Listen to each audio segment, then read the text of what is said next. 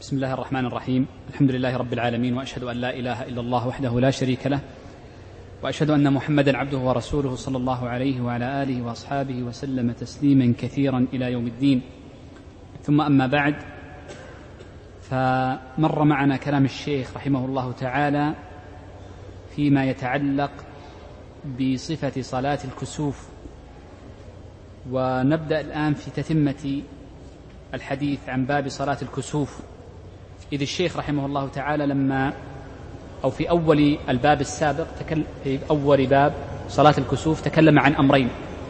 الأمر الأول تكلم عن وقتها وذلك حينما قال إذا كسف أحد النيرين صلى ركعتين فبين وقت صلاة الكسوف. والمسألة الثانية بين صفة الصلاة. ثم في هذا الدرس سنمر على بعض الكلام الذي ذكره الشيخ مما يتعلق بالوقت أو ما يتعلق بصفة صلاة الكسوف. إذا هناك مسائل متفرعة على الوقت ومسائل متفرعة عن صفة صلاة الكسوف.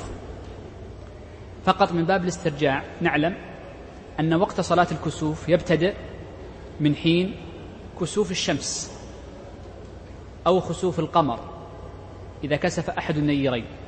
فمن حين يشرع أو يبتدئ الكسوف فإنه يكون قد دخل وقت الصلاة ويكون منتهاها عند التجلي أي عندما يذهب الكسوف كاملا فلم يبق منه شيء. ولو بقي من الكسوف شيء يسير فما زال الوقت باقي فما زال الوقت باقي.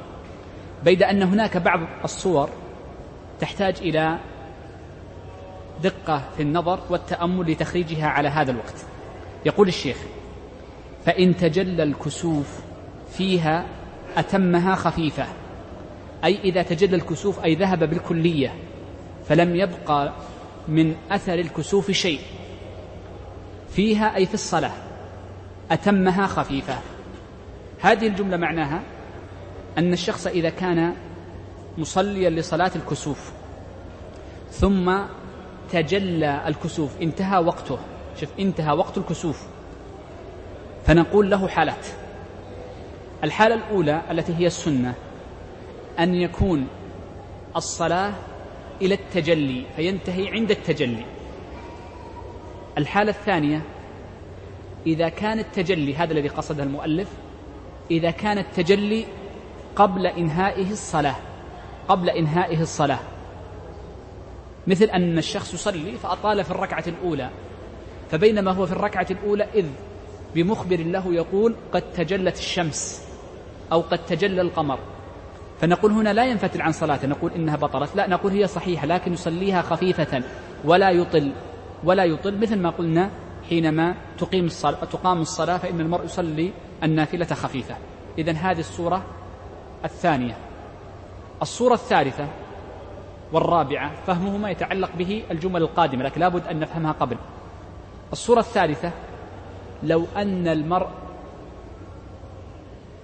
انتهى من صلاته قبل التجلي فهل يجوز له أن يصلي صلاة أخرى أم لا؟ فنقول إن المرء إذا انتهت صلاته قبل التجلي بوقت طويل. الأولى هي السنة عند التجلي الثانية أن يكون التجلي قبل انتهاء صلاته. هنا أن ينتهي أن تنتهي صلاته قبل التجلي بنصف ساعة بساعة. فهنا يقولون لا يشرع له أن يصليها مرة ثانية. ما يشرع له لأنه لو صلاها مرة ثانية معنى ذلك أنه سيصلي صلاة الكسوف أربع ركعات وهذا غير مشروع. وإنما يصلي يقف فيسبح ويستغفر ويدعو الله عز وجل ويكثر من الابتهال إليه جل وعلا. حتى إن الفقهاء يقولون كما لو كان وقت نهي ما يقوم حتى ما يتطوع بسنن كما لو كان وقت نهي. لكي لا يظن أنها من الزيادة على صلاة الكسوف. وبذلك يتبين أن بعض الشباب يخطئون حينما يكون هناك كسوف أو خسوف فيصلون مع إمام فيتم الصلاة مبكرا فيذهبون إلى مسجد آخر. نقول هذا غير صحيح لأنك قصدت الصلاة في المسجد الثاني قصدا وهذا لا شك أنه غير مشروع لا شك أنه غير مشروع لا شك أنه غير مشروع. إذن هذه الصورة الثالثة. الصورة الرابعة هي التي محل الإشكال في الجمل التي ستأتي. قالوا إذا تجلى تجلى الكسوف ولم يكن قد صلى. إذا تجلى الكسوف ولم يكن قد صلى. فحينئذ نقول لا يقضيها لأن هذه سنة والأصل أن السنن إذا فات محلها لا تقضى هذا الأصل. ولذلك لم يثبت أن أحدا قضى سنة أو صلاة الكسوف فإذا تجلى لم تقضى. طيب انظر معي الكلام القادم لأن إذا فهمت التقسيم ذكرت لك قبل قليل فهمت الكلام الذي بعده. لأني وجدت بعض الطلبة يفهم الجمل القادمة على غير وجهها. انظر كلام الشيخ يقول وإن غابت الشمس كاسفة أو طلعت والقمر خاسف أو كانت آية غير الزلزلة لم يصلي. الصورة الأولى قال إذا غابت الشمس كاسفة. إذا غابت الشمس كاسفة. يعني كان الكسوف في الشمس ثم استمر الكسوف إلى الأذان المغرب. إما أن الكسوف مستمر إلى الغروب أو لأجل ورود ما يمنع من الرؤية. فاستمر الكسوف إلى الغروب هذا واحد. فإنه لا يصلي. الثاني قال إذا طلعت أي الشمس والقمر خاسف. فإنه لا يصلي لخسوف القمر. بعض الطلبة ظن أن الشمس إذا كانت ستستمر يستمر خسوفها. إلى المغرب أو الفجر أو القمر يستمر خسوفه إلى الفجر فإنه لا يصلى له. هذا غير صحيح. إنما قصد الفقهاء بهذه الجملة مسألتين. يقصدون مسألتين. المسألة الأولى أن المرء إذا لم يصلي حتى غروب الشمس فإنه لا يصلي. ومن لم يصلي لخسوف القمر حتى طلع الفجر فلم يرى القمر فنقول لا تصلي. انتهى وقته. هذا واحدة. الحالة الثانية أن المرء لو كان في صلاته فإنه يقطع صلاته إذا غربت الشمس أو طلعت من الفجر بعد الفجر. وضحت المسألة؟ أو ليست بواضحة؟ إذا انظر. قول المصنف إذا غابت الشمس كاسفة أو طلعت والقمر خاسف لم يصلي. آتيكم بالمعنى الذي فهمه البعض.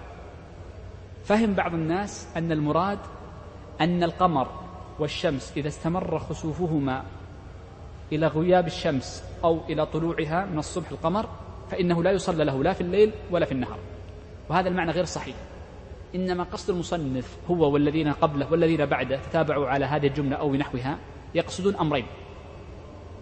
أن الشمس إذا خسفت إلى حين الغروب مستمر خسوفها إلى الغروب. فإنه بعد الغروب وكان الشخص لم يصلي قبل الغروب فإنه لا يصلي بعد الغروب. ما يصلي بعد الغروب.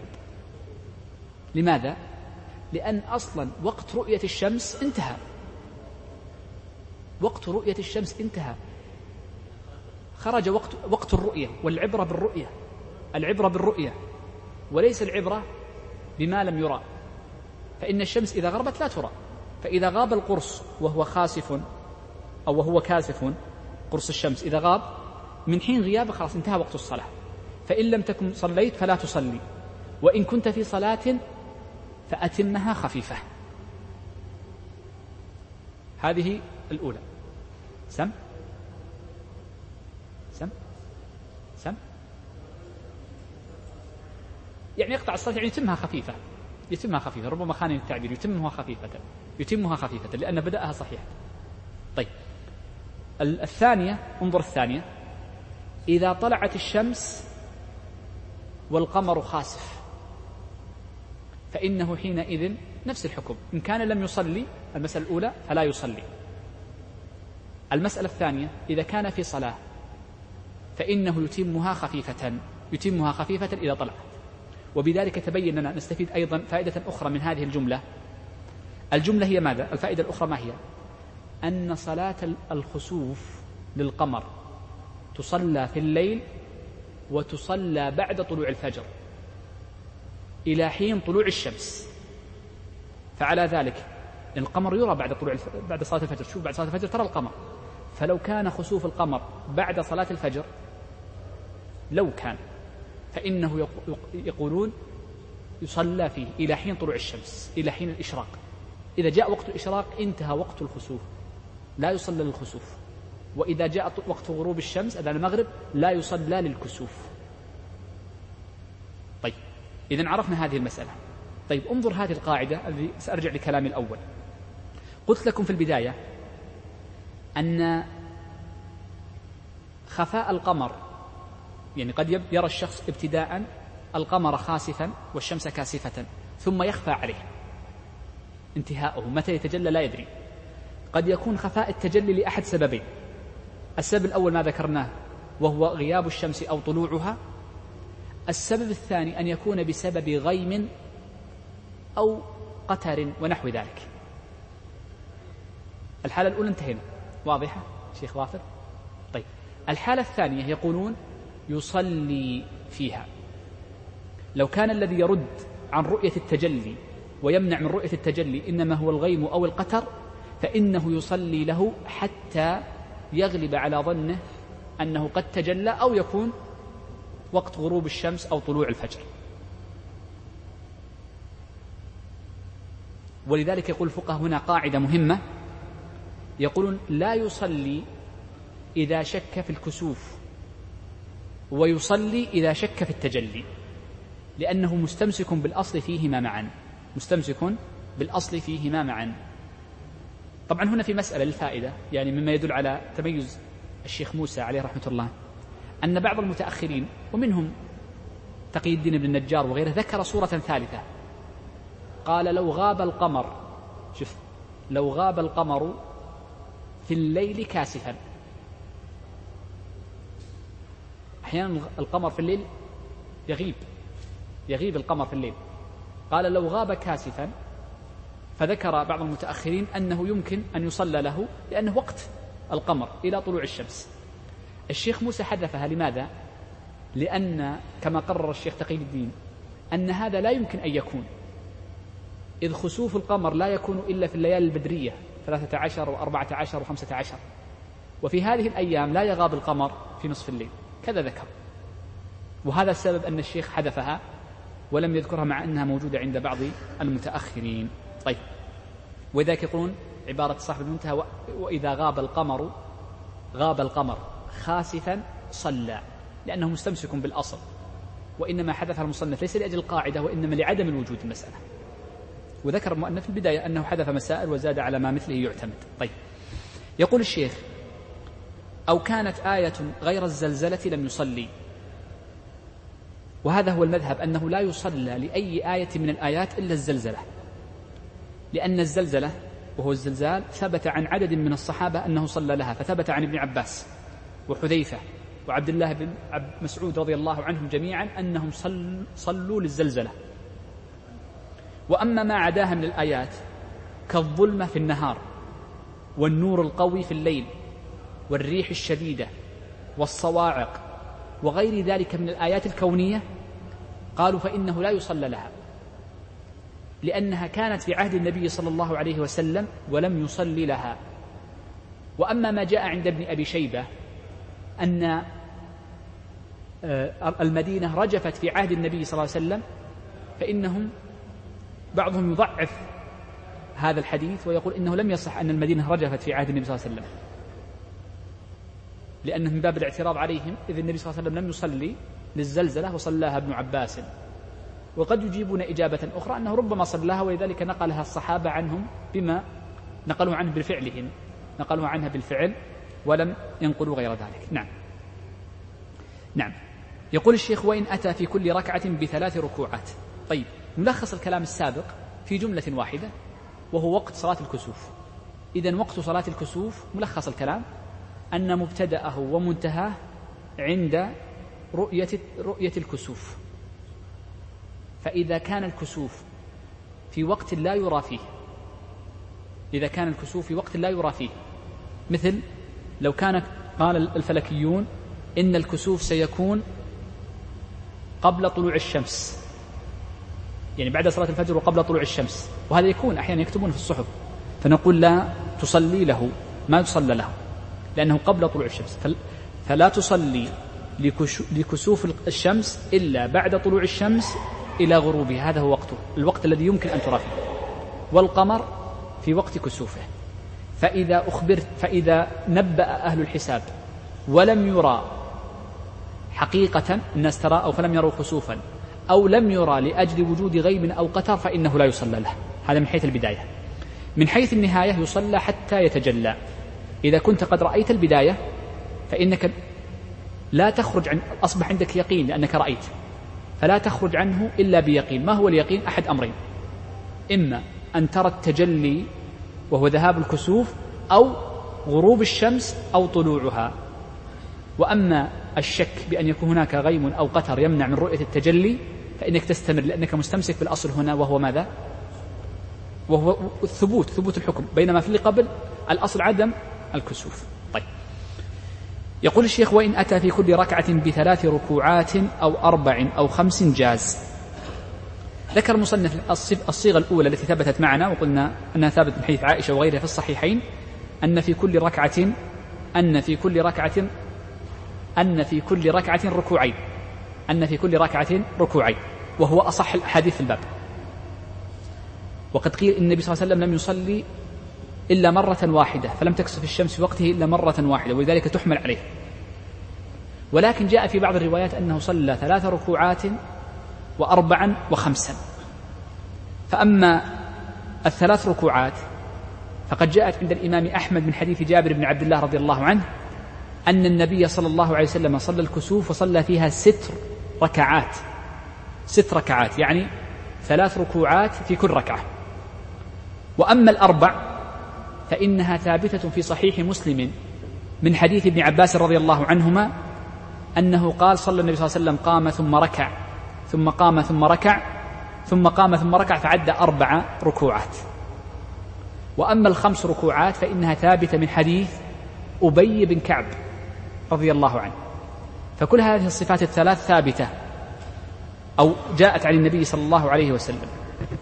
ولكن لا شك أن أصحها إسنادا هو حديث عائشة وهو في الصحيحين فهو الأولى والأفضل والأتم وهو الأكمل. وأما هذه فلورود الحديث بها نقول هي مشروعة. ما زاد عن هذه لا يجوز. لا يجوز الزيادة عن ذلك. طيب عندنا مسألتان تتعلق بالركوع أو مسألة واحدة نفرع عنها مسألتين. نحن قلنا ورد عن النبي صلى الله عليه وسلم ركوعان وثلاثة وأربعة. الواجب من هذه الركوعات وخمسة. الواجب من هذه الركوعات قالوا هو ركوع واحد فقط. ركوع واحد. لأنه هو الذي أمر به النبي صلى الله عليه وسلم المسيء صلاته وهو الأصل أن في كل ركعة ركوع أن في كل ركعة ركوع طيب. إذا عرفنا أن الواجب ركوع واحد فأي ركوع من الركوع من الركوعات الركعة هو الواجب؟ نقول الأول. نقول هو الأول. وبناء على ذلك لو أن المأموم دخل مع الإمام في الركوع الثاني أو أدرك الركوع الثاني أو الثالث نقول اقضي اقضي هذه الركعة تقضيها والسنة أن تقضيها على هيئتها كما صلى الإمام تقضيها مثله بركوعين أو ثلاثة. هذا واحد. الأمر الثاني أنهم حينما قالوا إن الركوع الأول هو الواجب ما عدا السنة فدل ذلك على أنه يجوز تركه يجوز تركه. ولذلك يقول الفقهاء يجوز صلاة الكسوف بركوع واحد. نعم روي فيه حديث لكنه ضعيف لكن القاعدة تدل عليه أنه يجوز أن يصلى بركوع واحد. يجوز أن يصلى بركوع واحد.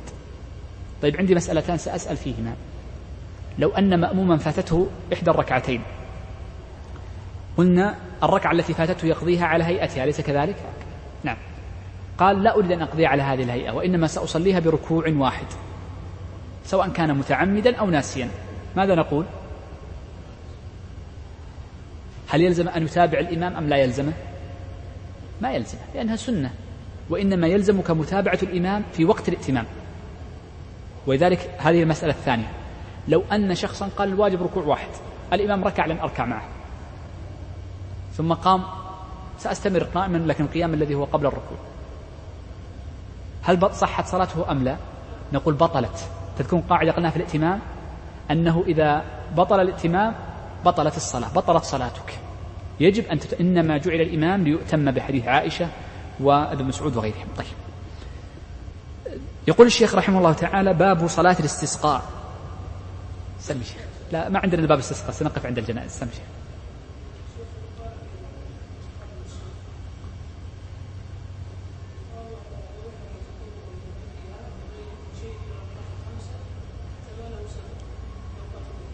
صح.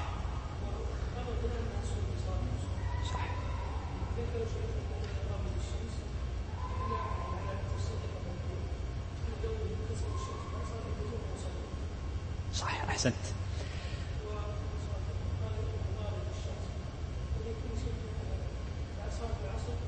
ممتاز. ممتاز. طيب هذه المفروض أني ذكرتها في الدرس الماضي.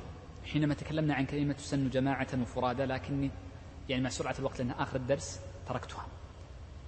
في نحن سبق معنا أن أوقات النهي عند الحنابلة يشددون فيها حتى إنهم يرون أن الكسوف لا يصلونها في وقت صلاة النهي. بالإمكان أن يحمل يقول الشيخ ظافر بالإمكان أن تحمل كلمة الشيخ وإن غابت الشمس كاسفة على أن الكسوف كان وقت النهي وقت النهي. أول شيء نقول هذا الكلام فيه بعد لسببين السبب الأول أنه قرن الحكم بالغياب الشمس بطلوع بطلوع الفجر بطلوع بطلوع القمر. بطلوع القمر. فجعل الحكم فيهما واحد فيكون مستمر. الأمر الثاني أن وقت النهي عندهم متعلق بالصلاة. متعلق بالصلاة. فلو كان صلاته مستمرة لو كان صلاته مستمرة صح أيضا لابد أن يقطع الصلاة لأجل. نعم لا كلامك يعني ممكن قد يحتمل هذا الكلام لكن يحتاج إلى تأمل. دعني أتأملها وأرد لك الدرس القادم. صح لأن المتعلق بالصلاة لا بالوقت. كلام صحيح. لنصب أرجئها في الأسئلة. طيب. يقول الشيخ باب صلاة الاستسقاء. يقول الشيخ إذا أجدبت الأرض. نعم نبدأ أول شيء قال باب قوله باب صلاة الاستسقاء. الاستسقاء أولا ورد عن النبي صلى الله عليه وسلم فيه ثلاث هيئات. ورد عنه صلى الله عليه وسلم أنه صلى الاستسقاء صلاة مستقلة وهي التي أفردها الفقهاء هنا. الأمر الثاني أنه صلى الله عليه وسلم دعا في الاستسقاء في أثناء خطبة الجمعة وله أحكامها مثل رفع اليدين.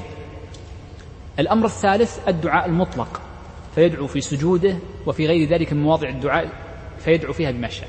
هذه ثلاث مواضع دعا فيها النبي صلى الله عليه وسلم للاستسقاء.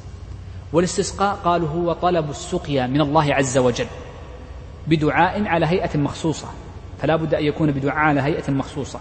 ففي الخطبة برفع اليدين وفي غيره على هيئة الدعاء المطلق وفي الصلاة على الصلاة التي سنتكلم فيها بعد قليل. وصلاة الاستسقاء ثابتة عن النبي صلى الله عليه وسلم أنه فعلها من حديث عائشة رضي الله عنها ومن حديث غيرها. يقول الشيخ إذا أجدبت الأرض وقحط المطر صلوها. هذه الجملة مفيدة جدا لأن هذه الجملة تفيدنا موجب صلاة الاستسقاء. فإن صلاة الاستسقاء لا تصلى في كل وقت. صلاة الاستسقاء لا تصلى في كل وقت. فإنها لا تصلى إلا في موضعين فقط. الموضع الأول هو الذي قال عنه الشخص الشيخ إذا أجدبت الأرض. فإذا اشتد بالناس الحاجة إلى المطر. بأن قل المطر أو غارت الأنهر كما سيمر معنا بعد قليل فإنه يجوز الاستسقاء عند حاجة الناس إلى الماء. عند حاجة الناس إلى الماء. هذه الصورة الأولى. الصورة الثانية قوله وقحط المطر. فإن الواو هنا كما ذكر بعض مشايخنا أن الواو هنا إنما هي للمغايرة وليست لمطلق الجمع وإنما للمغايرة. فالموجب الثاني قحط المطر أي تأخره عن وقته. أي تأخره عن وقته. وعلى ذلك فصلاة الاستسقاء تجوز في موضعين. الموضع الأول إذا اشتدت حاجة الناس سواء كان في صيف أو شتاء فإنه يصلى له. الموضع الثاني إذا تأخر عن وقته فإنه يصلى له ويستسقى. ولذلك على سبيل المثال عندنا في أغلب الجزيرة العربية ما عدا جنوب الجزيرة العربية فإن أغلب وقت المطر يكون في الوسم. في الوسم. فلا يكون الاستسقاء للتأخر إلا في الوسم. في الشتاء ما يصلى في الاستسقاء إلا إذا كانت الناس حاجتهم إلى المطر شديدة. فإذا تأخر المطر وإن لم تكن حاجة الناس إليه شديدة فإنه حينئذ يدعى الله عز وجل بالصلاة فيستسقى له. إذا له موجبان وهذه مسألة مهمة. ولذلك تجد المشايخ عندنا لا يستسقون حتى بالدعاء في الخطبة إلا بعد دخول الوسم. إذا دخل الوسم بدأوا يدعون حتى على المنبر. وقبل الوسم إذا لا يدعون إلا عند وجود الحاجة إليه بأن يكون هناك حاجة للماء. نعم. يقول الشيخ إذا أجدبت الأرض وقحط المطر الأرض التي تقصد إنما هي الأرض المسكونة أو المسلوكة فقط وليس كل أرض يستسقى لها وإنما المسكونة سكنها الناس أو يسلكونها في طريقهم فيرونها وينتفعون بها. هذا واحد. الأمر الثاني أن المراد بالأرض هنا ليست الأرض الذي يسكنها الشخص بنفسه. فإن الشخص وإن كانت أرضه عامرة بالمياه فالفقهاء يقولون يجوز له أن يصلي الاستسقاء لغيره من المسلمين. يجوز له أن يصلي الاستسقاء لغيره من المسلمين.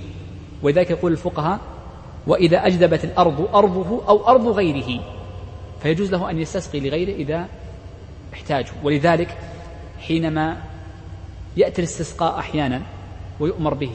قد يكون بعض أجزاء البلاد عندهم مطر وبعضهم لا مطر عندهم. يقولون يشرع الاستسقاء للجميع يشرع الاستسقاء للجميع لمصلحة الجميع.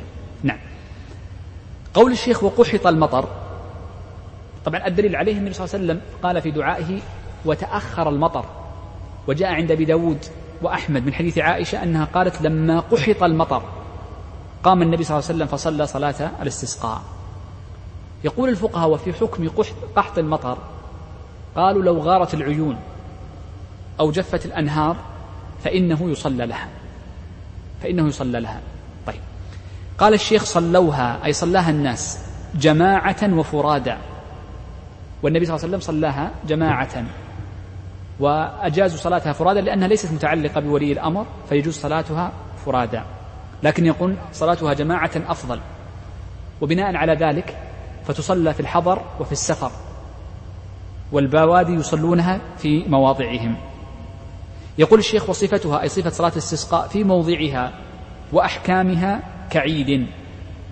والدليل على ذلك ما جاء عن ابن عباس رضي الله عنه أنه قال الاستسقاء كسنة العيدين. أي فتصلى كالعيدين من حيث التكبير في الركعة الأولى ست غير تكبيرة الإحرام وفي الثانية خمس غير تكبيرة الانتقال.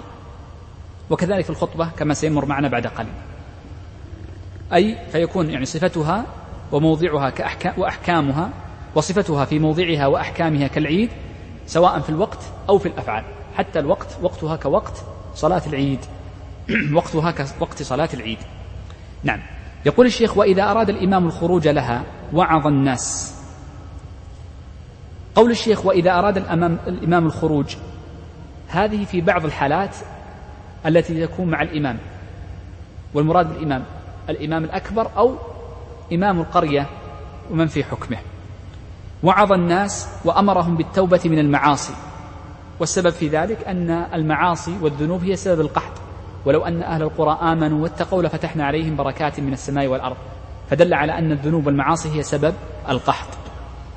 قال والخروج من المظالم لأن الظلم من أسباب منع القطر. قال وترك التشاحن وترك التشاحن لأن التشاحن يعني سبب أيضا لمنع الخير. وقد جاء أن النبي صلى الله عليه وسلم خرج إلى أصحابه وقال إني أريت ليلة القدر وأردت أن أخبركم بها فلما رأى رجلين يتلاحيان يعني يختصمان في كلامهما قال رفعت. فلما تلاحى فلان وفلان رفعت. فأحيانا التشاحن بين المسلمين ورفع الصوت في العداوة والبغضاء سبب لرفع البركة عنهم وأعظم البركة بركة العلم. قال والصيام والصدقة وهذا من باب إطلاق أن الصيام له فضل وأنه سبب لإجابة الدعاء وكذلك الصدقة ولأن من أسباب منع المطر منع الزكاة. قال وي ويعدهم يوما يخرجون فيه. والدليل على ذلك أن الإمام يعد الناس يوما يخرجون فيه ما جاء من حديث عائشة عند أبي داود وأحمد أن النبي صلى الله عليه وسلم وعدهم. يوما. فدل ذلك على أن الأفضل أن الإمام يعد الناس يوم ليسبقوا هذا اليوم بصلاة بعبادات وصدقة ونحو ذلك. قال ويتنظف لأنه سيأتي إلى عبادة ويدعو الله عز وجل ولا يتطيب لكي يظهر التضرع له سبحانه وتعالى. قال ويخرج متواضعا متخشعا متذللا متضرعا. والدليل على ذلك ما ثبت عند أحمد وأبي داود من حديث ابن عباس رضي الله عنه أنه قال خرج النبي صلى الله عليه وسلم الاستسقاء متذللا. مثل عبارة الشيخ متذللا متواضعا متخشعا متخشعا. فبين ابن عباس رضي الله عنه أن النبي صلى الله عليه وسلم خرج على هذه الهيئة متخشعا متضرعا. نعم. قال ومعه أهل الدين والصلاح.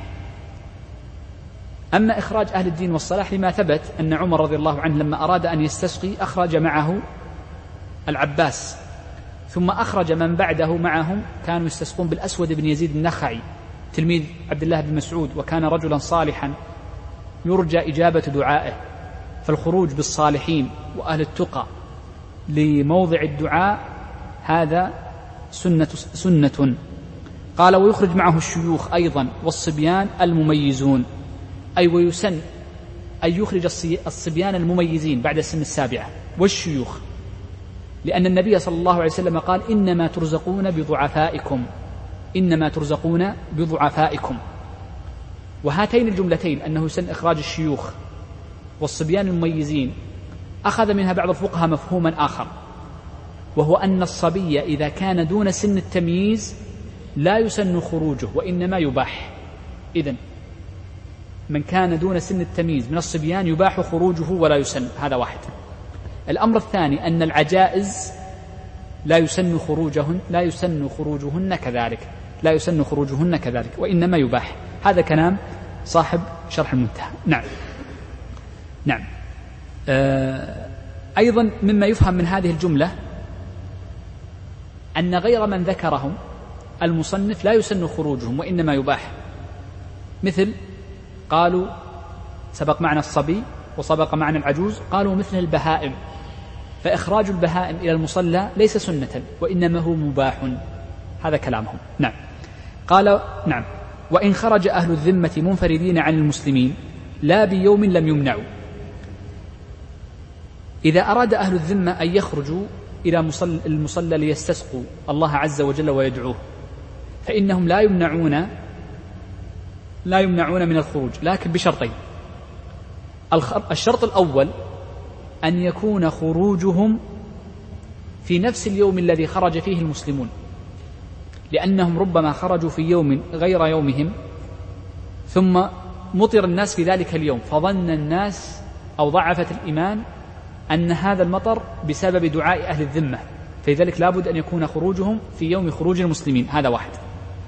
الأمر الثاني أنه لا بد أن يكون خروجهم منفردين عن المسلمين في البقعة فما يكونون مع المسلمين في بقعتهم لكي يتمايز المسلمون عن غيرهم ويكونون أشد تضرعا لله عز وجل وأشد يعني آه إنابة له سبحانه. إذ أهل الذمة قد يقع في دعائهم من الشرك الشيء الكثير. وممايزة ما بين أهل الذمة والمسلمين مهم في الدعاء مهم في الدعاء. طيب.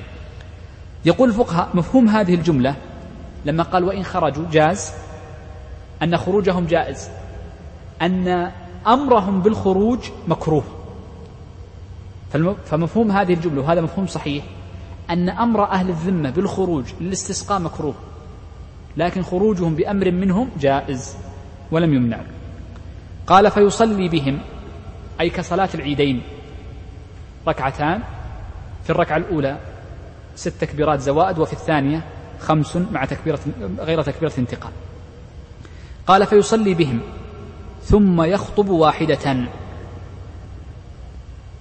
أما كونه يخطب واحدة في العيد عفوا في الاستسقاء فإنها قول عدد من فقهاء الحديث وهي التي نقلت عن الصحابة رضوان الله عليهم حتى قال غير واحد من أهل العلم لم ينقل عن النبي صلى الله عليه وسلم أو عن أحد من أصحابه أنه خطب للاستسقاء خطبتين وإنما يخطب للاستسقاء خطبة واحدة. وأما مفهوم حديث ابن عباس أن أن صلاة الاستسقاء كسنة العيدين أي في هيئة الصلاة وفي الخطبة الأولى لا في الخطبة الثانية. ولذلك لم ينقل أن النبي صلى الله عليه وسلم إنما خطب أكثر من خطبة فلا يشرع فيها إلا خطبة واحدة وعليها كثير من فقهاء السلف. قال يفتتحها بالتكبير. طبعا مما يدل أيضا على أنها خطبة واحدة.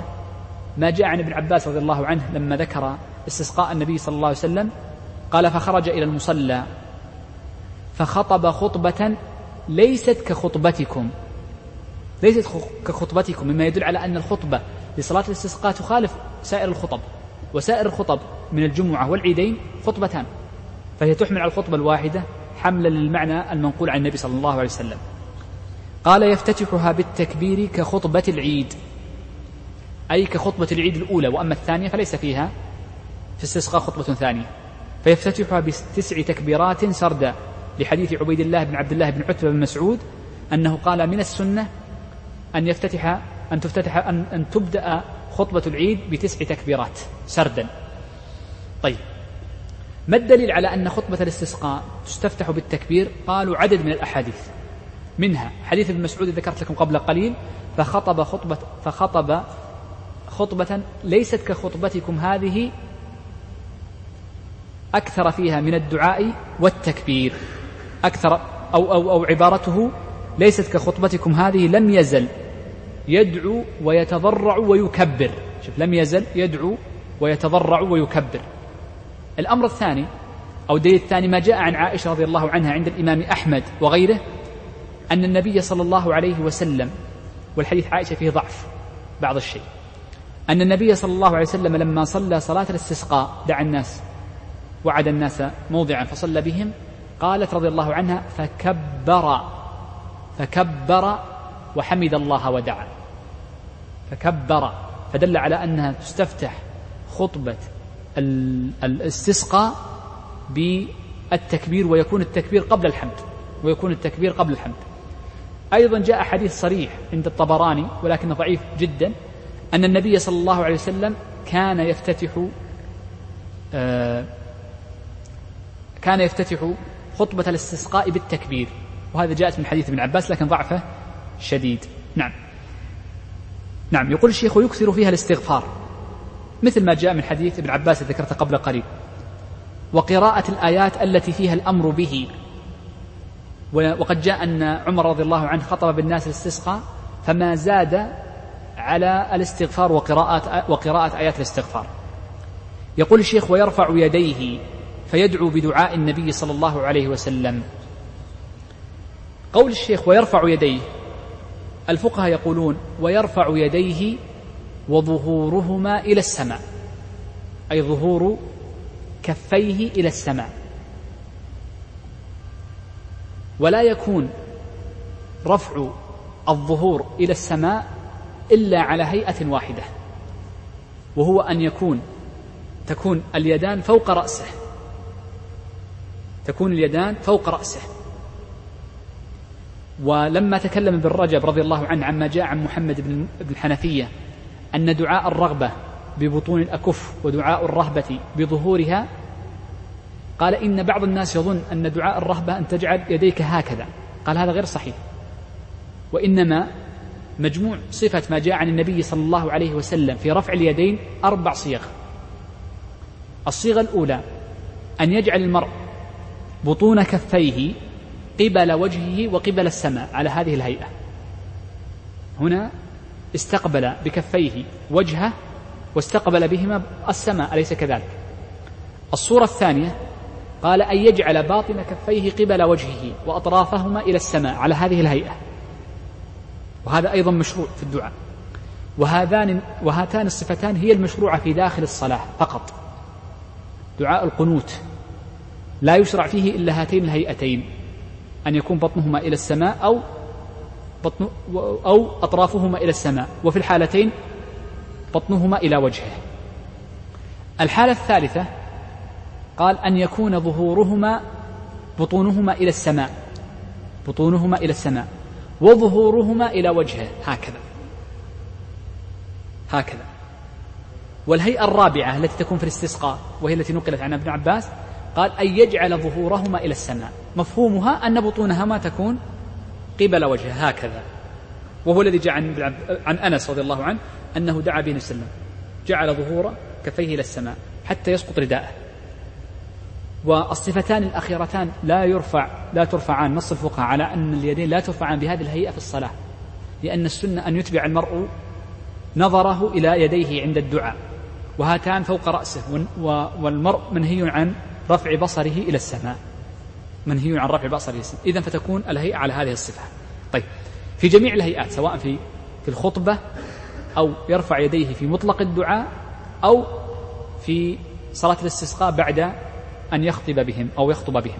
نعم. قال فيدعو بدعاء النبي صلى الله عليه وسلم. يقول الشيخ ومنه اللهم أغثنا مغيثا إلى آخره. أو غيثا مغيثا إلى آخره. طيب. آه، قول قول النبي صلى الله عليه وسلم نبدأ أول شيء في قوله. طبعا الدعاء الذي جاء عن النبي صلى الله عليه وسلم كثير جدا لكن لن أشرح إلا ما ذكر المصنف وسأذكر فائدة من كلام المصنف. يقول ومنه قوله اللهم أغثنا غيثا مغيثا. اللهم أغثنا غيثا مغيثا. أو اسقنا اللهم اسقنا. اللهم اسقنا غيثا مغيثا. الغيث هو المطر والمغيث هو الذي يرفع الشدة عن الناس. فالمغيث هو الذي يرفع الشدة. أي أغثنا مطرا يرفع عنا الشدة. هذا المعنى.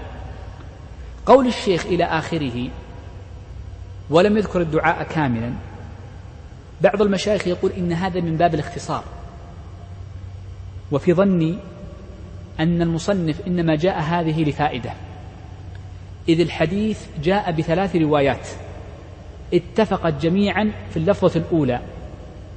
اللهم اسقنا غيثا مغيثا واختلفت فيما زاد عن ذلك. فلعل المصنف أراد أن يقول إنه قد وردت أكثر من صيغة. أول هذه الصيغ وهي أصحها وهو الثابت عند أبي داود وأحمد من حديث جابر بإسناد صحيح أن النبي صلى الله عليه وسلم قال في دعاء الاستسقاء اللهم اسقنا غيثا مغيثا. آه، مرجيا عاجلا غير آجل نافعا غير ضار. هذا أصح ما جاء. لا بل هو نعم اللهم اسقنا غيثا مغيثا مريئا. اللهم اسقنا غيثا مغيثا مريئا.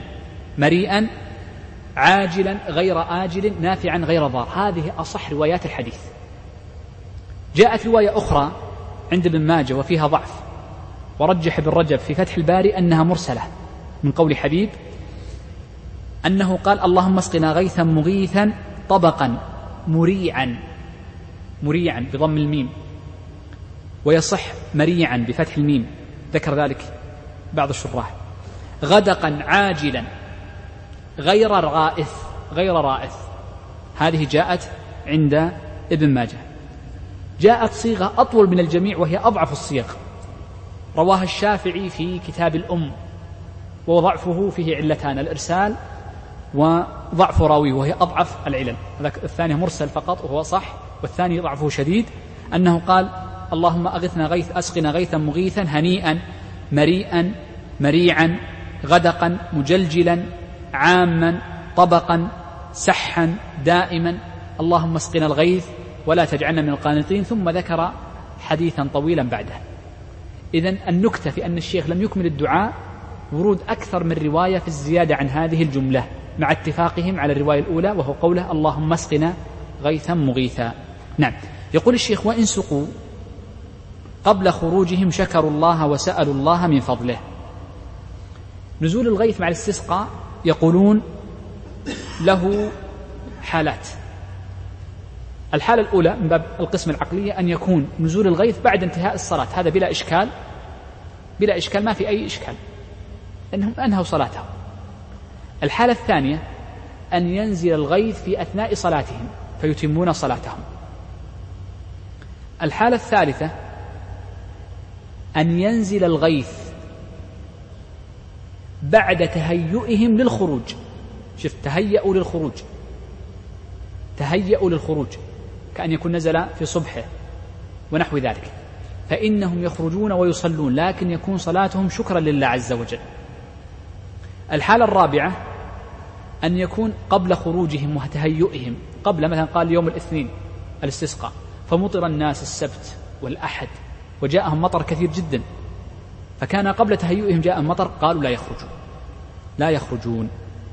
إذا هذه المسألة الأولى في قضية إذا نزل المطر حال صلاتهم أو قبل خروجهم نقول لها ثلاث درجات. حال صلاتهم يصلون وعند تهيئهم يخرجون ولكن يصلونها شكرا وعند أو قبل خروجهم وقبل تهيئهم بأن كان الوقت طويلا فإنهم لا يخرجون. ولذلك قوله وإن سقوا قبل خروجهم وبعد يعني عند تهيئهم شكروا الله وسألوه المزيد من فضله وصلوا. وإن كان قبل خروجهم وبعد وقبل تهيئهم للخروج فإنهم يشكرون الله عز وجل من غير صلاة نعم. قال وينادى الصلاة جامعة. أغلب الفقهاء المتأخرين على أن الصلاة جامعة بالنصب في الموضعين. نصبت الصلاة على الإغراء وجامعة على الحالية. وجاء عن عن بعضهم أنها تصح بالنصب والرفع فتقول الصلاة جامعة والصلاة جامعة يصح الوجهين. نقلها ابن حمدان في كتاب الرعاية فقال يصح الوجهين ولغة هي صحيحة. لغة هي صحيحة الرفع فيهما والنصب والخو والرفع والنصب. نعم. يقول الشيخ وليس من شرطها إذن الإمام. سم؟ يعني الآن الاستسقاء الاستسقاء. لا ينادون. يقول إذا اجتمعوا ليجتمع الناس. طبعا هم المشايخ لهم رأي في بعض المسائل. فقد يتركون بعض الأشياء. طيب.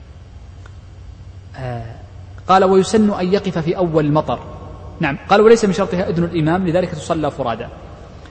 قال ويسن أن يقف في أول المطر. آه وقوفه هنا لأمرين. وقوفه لكي يصل المطر إلى رأسه كما جاء عن صلى الله عليه وسلم أنه قال إنه حديث عهد بربه. قالوا ويكون وقوفه أيضا للدعاء.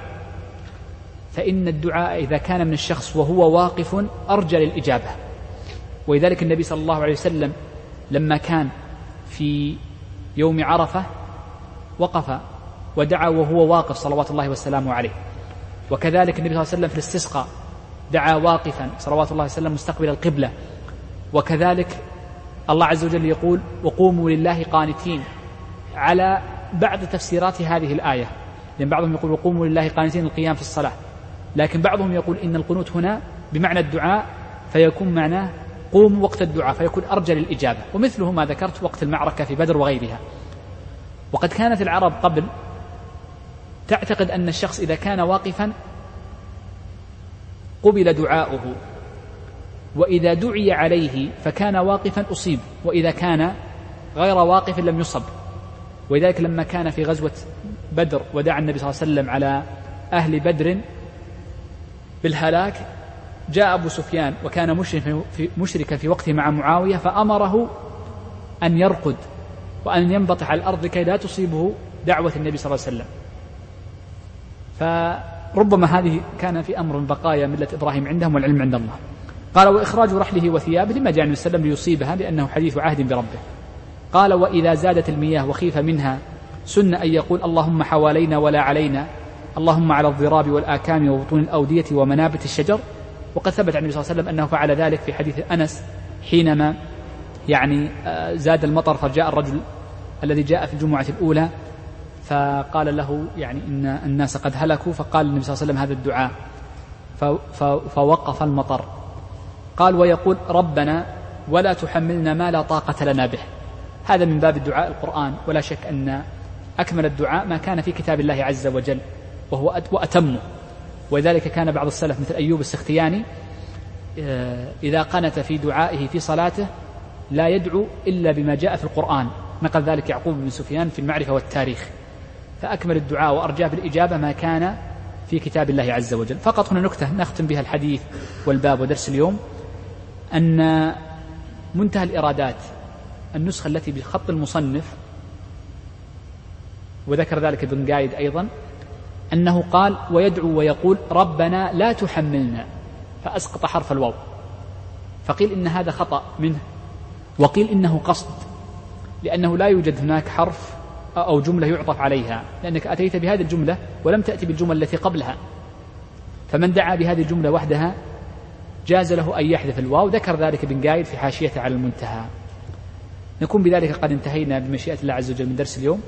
المسألة سأتأملها وأرد لك إن شاء الله الأسبوع القادم بإذن الله عز وجل. في شيء يتعلق بدرس اليوم أو ننصرف جميعا؟ سمي شيخي.